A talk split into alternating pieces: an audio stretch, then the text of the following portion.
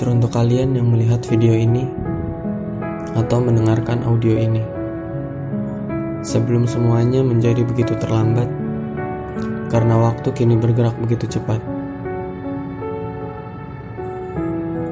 Saat mata kalian tak lagi akan melihatku, saat telinga kalian tak lagi akan mendengarku, saat kalian tersadar tak lagi hadir keberadaanku.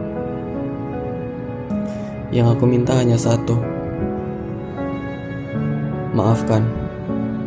Maafkan segala hilaf, salah, dan perbuatanku. Aku sangat memohon pintu maaf pada kalian. Kalian yang pernah aku sakiti, sengaja maupun tidak.